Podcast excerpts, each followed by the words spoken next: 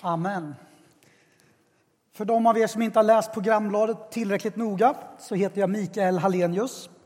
Jag är 46 år, eh, gift med min fru och vi har tre barn. De är vuxna nu. Jag har rest runt och predikat i Sverige sedan 1989. Varit i Ryttargårdskyrkan många gånger, så det är kul att få vara tillbaks. Fantastiskt att få se er alla här. Och extra grattis till er att ni är här idag. Ni är nämligen med om en premiär, en urpremiär. Jag har aldrig, och jag menar verkligen aldrig, predikat omringad av ett brassband. Jag vet inte. Det är väldigt starkt.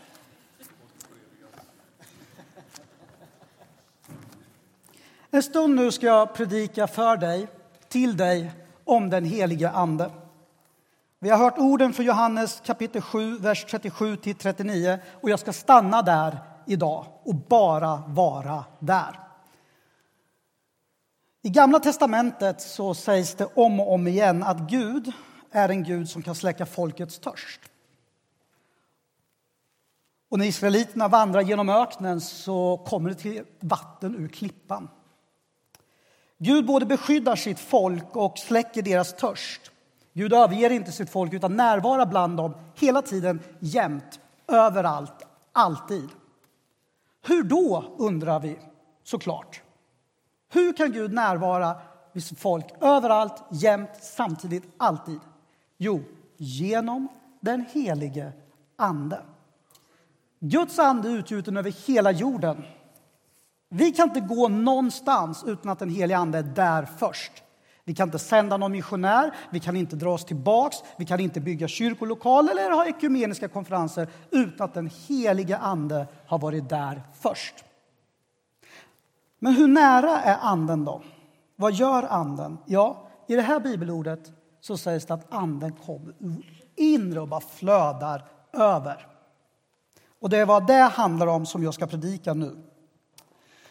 Så på den här högtiden som man skulle fira, sista dagen, den största, som handlade just om det här, Guds folks erfarenhet av att varit beskyddad av Gud, eh, att få sin törst släckt. Av allt det så blev det så här. Den sista dagen då ställer sig Jesus upp och ropar. Och det han säger det är det här som vi precis har hört. Är någon törstig? Jag vet inte hur det är med dig, men jag tror att rätt många när man pratar om den helige Ande direkt tar ett steg tillbaks och tänker det gäller inte mig. Varför det? Det är för att jag är oandlig eller jag är ingen karismatiker eller ni vet, vi kan säga massor med grejer. Bibeln lär att det djupast mänskliga, det är också där Gud möter oss. Hör du vad jag säger? Det djupast mänskliga, det är också där Gud möter oss. Om du är törstig, då kan du dricka. Är någon törstig, säger Jesus, vilket betyder att vi alla kvalificeras in här nu. Den heliga Andes liv och det överflödande livet i Anden är inte till för en viss rörelse, vissa typer av amerikanska predikanter eller viss typ av gasade personlighetstyper. Anden utgöts för att över hela jorden förnya mänskligheten inför Guds ansikte. Är ni med? Jag har bara börjat, bara så du vet. Så om du är törstig idag, då säger Jesus kom till mig och drick. Det är ju helt enormt egentligen att man kan släcka sin törst på fel ställe. För några år sedan var jag på med våra ledare i mötesplatsen. Och vi var ute iväg på en hike, eller hike var det inte, jag är ingen scout, men vi var ute liksom och, en, och hade så här helg då. Ja, det var uteservering, precis. Så mycket scout är jag. Mm. Men vi var iväg en helg och så vaknade jag på morgonen och kollade på mobilen och då står det så här ett larm att i Örebro och i omnejd så är allt drickvatten förgiftat. Och det var ju svampen, ni vet den här stora grejen, så här jättemycket betong och hög. Så här. Där hade ju, och det är ju helt värdelöst, alltså, jag, jag vet inte hur jag ska säga det här, men alltså, toalettsystemet hade gått sönder så det flöt dåliga prylar i dricksvattnet. Okej? Okay? Så jag ska liksom gå runt där och jag väcker alla ledare och vi pratar om det. Drick inte det förgiftade vattnet. Man kan dricka vatten och försöka släcka sin törst och det blir fel. Du kan ha varit törstig länge eller haft ett inre begär som inte är tillfredsställt. Och om du går till någon annan än Jesus och försöker få den släckt så säger Bibeln att det är en usel brunn. Livets vatten, källan som ger liv och som fortsätter att flöda inifrån och ut kommer via tron på Jesus. Jesus säger den som tror på mig, den som tror på Jesus. Så märker ni nu? Andens liv, för i slutet av vers 39 så säger Johannes det här handlar om anden. Det börjar med det mest djupt mänskliga. Jag törstar, jag har ett begär som någon måste få släcka. Och det är Jesus. Och hur släcks det? Jo, genom att du tror på honom. Ett ord med tre bokstäver. Tro. I vårt språkbruk är det vagt. Kommer du imorgon klockan fem? Jag tror det, jag vet inte. I Bibeln är det bergfast. Tro, det är en övertygelse om det du inte ser. Tron är det som gör att du får gemenskap med Gud. Och tron är det som förlöser Andens liv i ditt liv. Så om du är törstig, tro på Jesus och säg Kom, helige Ande, och fyll mig.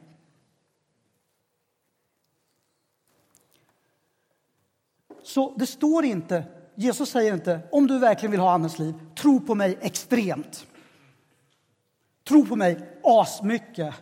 Tro på mig på Bethels sätt, tro på mig på det sättet, tro på mig på Torontos sätt. Det står inte, det står tro. Så lita på att det Guds ord säger om Anden gäller dig. Och nu tänker en hel del av er idag att ja, men det här kommer snart att vara över. Mikael är snart klar och vi ska lyssna på mer bra musik och sen blir det över. Men så kommer det inte att bli. Därför det är pingst idag. Och jag kommer att praktisera pingstens kraft. Om en stund så kommer jag inbjuda er att bara få ta emot mer av Guds ande i den här lokalen. Varför det? Det är för att Gud vill att vi ska släcka törsten i våra liv från den rätta källan. Och det är genom att tro på Jesus och utöva den tron. Och det tänker jag, det är ju lämpligt att göra en gudstjänst en söndag förmiddag. Mm, det är bra, han är med. Jesus säger att ur den som tror på mig, ur hans inre ska det flyta strömmar av levande vatten. Den helige Ande kommer ur oss som en ström av levande vatten. Så när du tror på Jesus, och lyssna nu noga, när du tror på Jesus, då är inte ditt liv längre något som ska liknas vid ett glas som antingen är halvfullt eller halvtomt. När du tror på Jesus så kommer du ur ditt inre och nu tänker du, så här. pratar Mikael verkligen om mig? Ja, det gör jag. Därför alla som tror på Jesus, är ni med? Alla som tror på Jesus, ur hans eller hennes inre ska det strömma levande vatten. Med andra ord, det är inte halvfullt glaset och det är inte halvtomt. Det är en bägare som flödar över. Det är faktiskt något att bli väldigt glad över. Jag går på fotboll mycket och vi vrålar när det blir mål. Och jag ska säga, nu, Anden är utgjuten. Yeah! Anden är utgjuten! Och den är utgjuten för att den ska beröra oss var och en personligt. Märkte ni att jag var lite så här? Det är min fru som talar i huvudet på mig. Mikael, se till så du inte blir döva. Så, så gjorde jag så. Mm. Men anden är utgjuten och därför kan vi sända missionärer till jordens yttersta gräns. Därför kan vi ta oss an tiggarna och de hemlösa. Därför kan vi älska varandra med en kärlek som är från Gud. Därför kan vi lovsjunga och prisa med hela kyrkan med dess, dess sångskatt över alla traditioner. Varför då? Därför anden är utgjuten bland allt Guds folk och vi tillsammans med en röst i den heliga Andes kraft får lova den Gud som är värd all lära och pris. Åh, alltså, det, är inte, det är inte ens halvvägs. Så. Så ur hans inre ska det flyta strömmar av levande vatten, överflöd av Guds närvaro i ditt liv. Och då kommer ju frågan, men Mikael, jag känner ju inte av det. Om du visste hur mitt liv ser ut. Så låt mig bara ge dig en bild, ett personligt exempel när jag fick uppleva Guds överflödande närvaro i mitt liv, när mitt liv var som värst. Okay? Och nu blir det personligt, jag vet vi är några stycken här, men nu blir jag väldigt personlig. Okay? Min mamma dog 2013.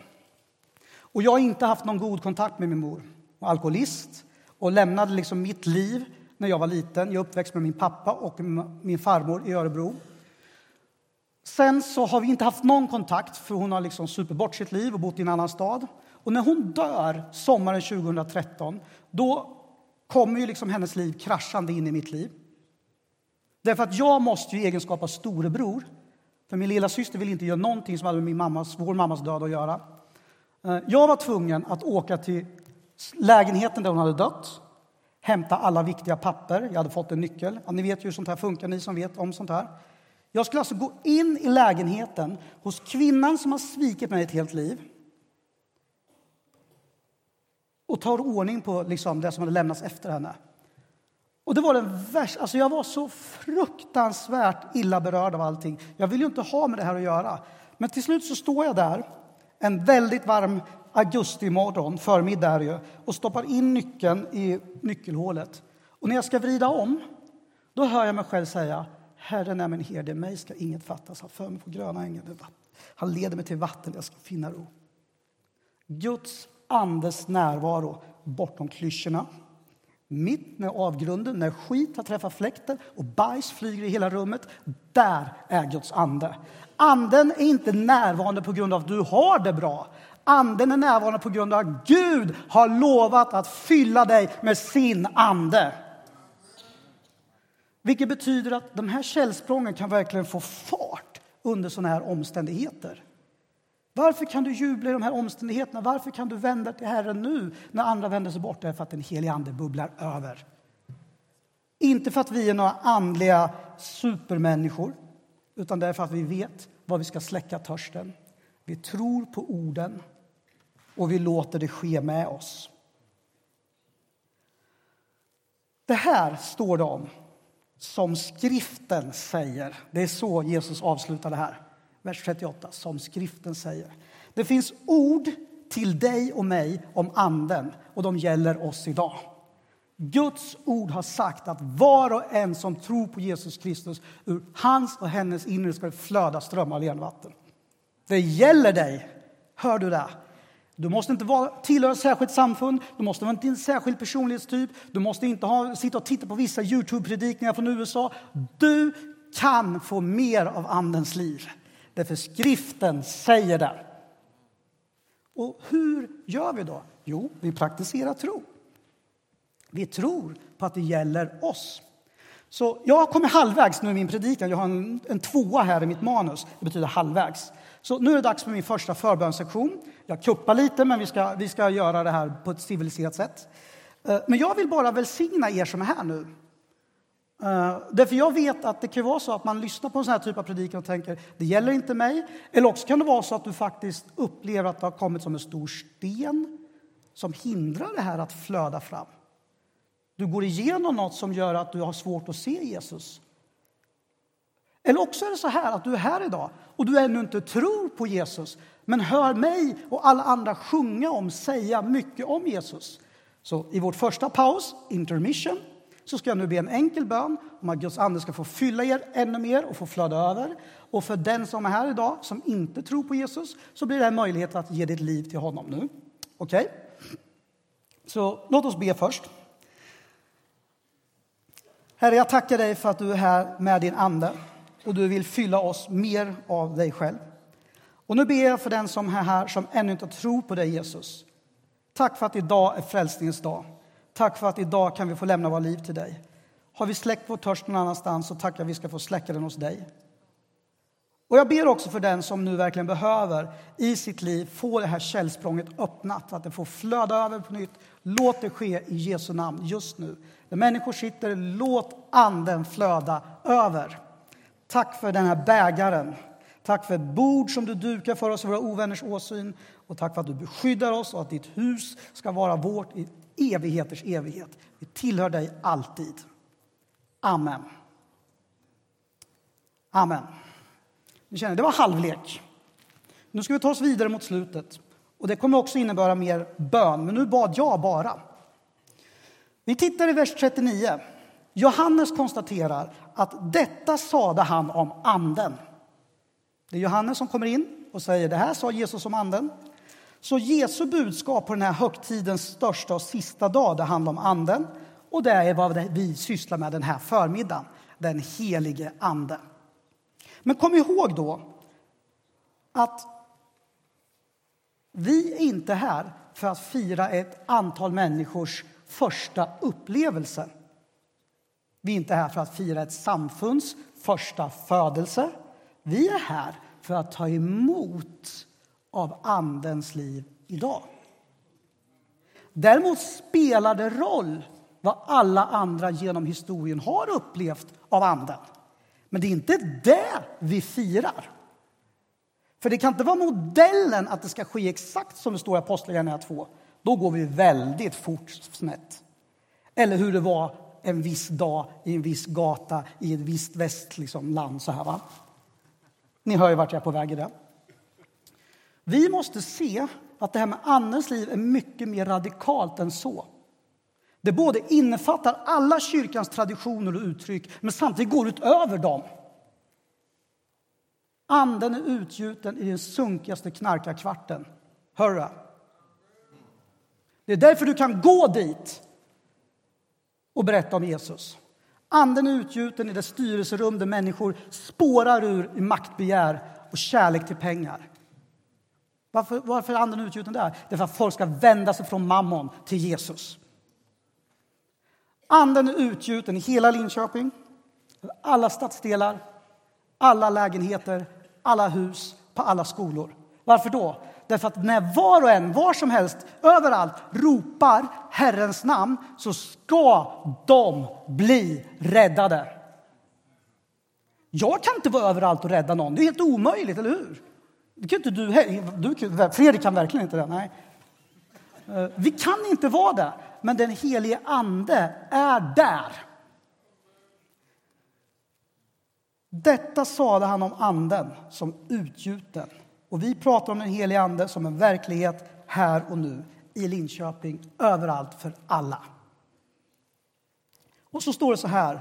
Detta sade han om Anden som, som, som de som trodde på honom skulle få. Och det här är det viktiga, va? att få ta emot Anden mer och mer. Jag kommer ihåg första gången när jag fick uppleva Andens uppfyllelse. Jag var kristen i två dagar. Jag hade tagit emot Jesus 1987 på en stor ungdomsväckelsemöte. Och två dagar senare så står jag i en kyrka i Örebro och en man kommer fram till mig och säger Vill du att jag ska be för dig så att du får den helige Ande? Och jag bara, det tycker jag du ska göra. Jag har ingen aning om vad jag sa. Och han lägger sin hand på mig och så säger han så här. När jag nu ber så kan det komma lite ord som du kanske inte vet någonting om. Jag bara, fine with me, bring it on. Jag, liksom, jag visste ju inte vad jag skulle, jag vet inte hur det var kristen, jag hade varit i två dagar. Så han lägger sin hand på mig och säger, kom helige ande. Och jag bara, blobba, Det kallas tungotal. Som man tar emot, som man får. Och att göra det, att leva i det, att ständigt ta emot och förvänta sig att Anden kan göra något i mitt liv är ju vår utgångspunkt. Jesus sa, Johannes konstaterar att det här sa han om Anden som de som trodde på honom skulle få. Det gäller dig idag. Med andra ord, nu kommer riktigt rysare. Jag är på väg in för landning nu, så nu, nu, nu kan du bara slappna av. Det betyder att i grund och botten så är alla kristna egentligen karismatiker. Och nu vet jag att en del bara, nej, jag gillar din predikan så här långt, men nu har du fel. Jag vet, jag vet att du, ni där tänker så. Ja. Men lyssna nu. Karisma, karis, alltså det är gåva. Vi får något av Gud och vi tar emot det. Anden är utgjuten, vi får det och tar emot den. Alltså kristna tron är till sin natur karismatisk. Vi har ju vant oss att använda den för att benämna vissa amerikanska predikanter vi inte gillar eller vissa mötesstilar eller vissa musikstilar. Ni vet, det blir så här hopplöst. Det går inte att använda ordet. Hela termen är ju tom på innehåll. Det här gillar inte jag. Det är karismatik. Det, det är dumt, det är trams, det är fel.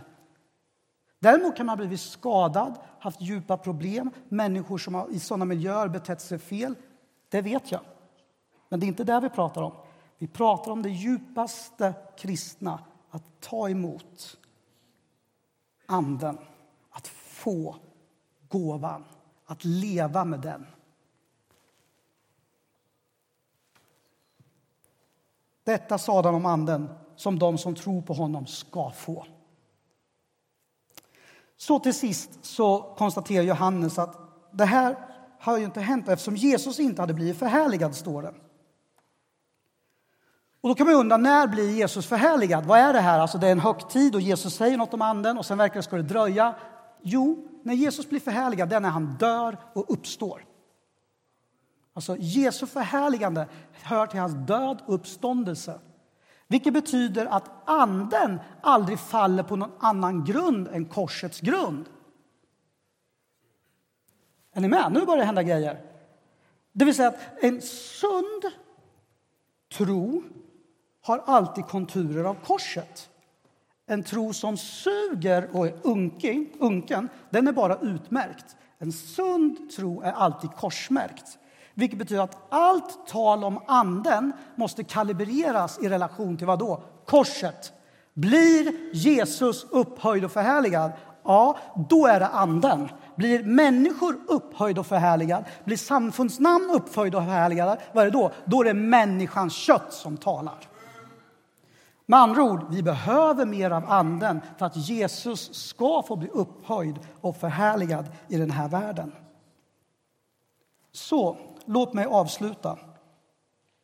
Gud vill överflödande närvaro i ditt liv. Låt ingen tro något annat. Ditt glas är varken halvfullt eller halvtomt. Han gav dig genom tron en bägare som ska flöda över. Och när Gud kommer och låter sin ande flöda över ännu mer i våra liv så är det för att vi ska tillsammans som en kropp, som en kyrka, som ett Guds folk förhärliga Jesus Kristus. Det är syftet. Så syftet är inte en enskild erfarenhet, syftet är inte en speciell metod, syftet är inte en särskild rörelse. Syftet är och förblir att Jesus ska bli förhärligad och att hela mänskligheten ska bli förnyad inför Gud. Det är ett bra syfte, det är brett, det är stort, det är rejält.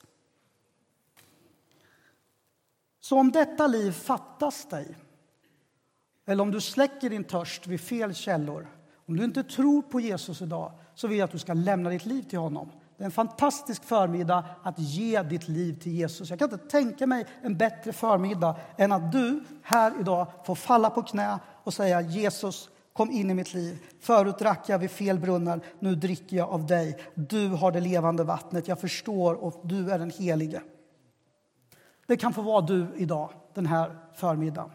Men du som är här idag som har varit kristen länge och går igenom en tung period eller du tappar glädjen, missmod, otro, bitterhet har fått klorna i dig. Du kämpar en ojämn kamp mot dina laster. Världen som ett system slår sina klor i dig och du tänker det finns ingen väg ut. Den heliga Ande kommer för att befria dig där. Herrens ande är, där är frihet. Och Det är därför vi efter den här sången som vi nu ska lyssna på ska fortsätta i förbön. Vi ska praktisera den frihet som har blivit oss given. Så är du här idag är fången och fast och jag bryr mig inte om vad det är som håller dig fast så vet jag att Guds ande är starkare och kan befria. Och där ditt liv i tron går på tomgång eller bara en liten flämtande låga och du tänker jag håller på att lämna allt, jag håller på att bli ateist, jag håller på att gå härifrån han är här för att väcka ditt hjärtas kärlek så du ska älska med full kraft inför alla människor denna fantastiska Jesus som har dött för oss, uppstått för oss för att alla som tror på honom ska ha liv i hans namn. Amen.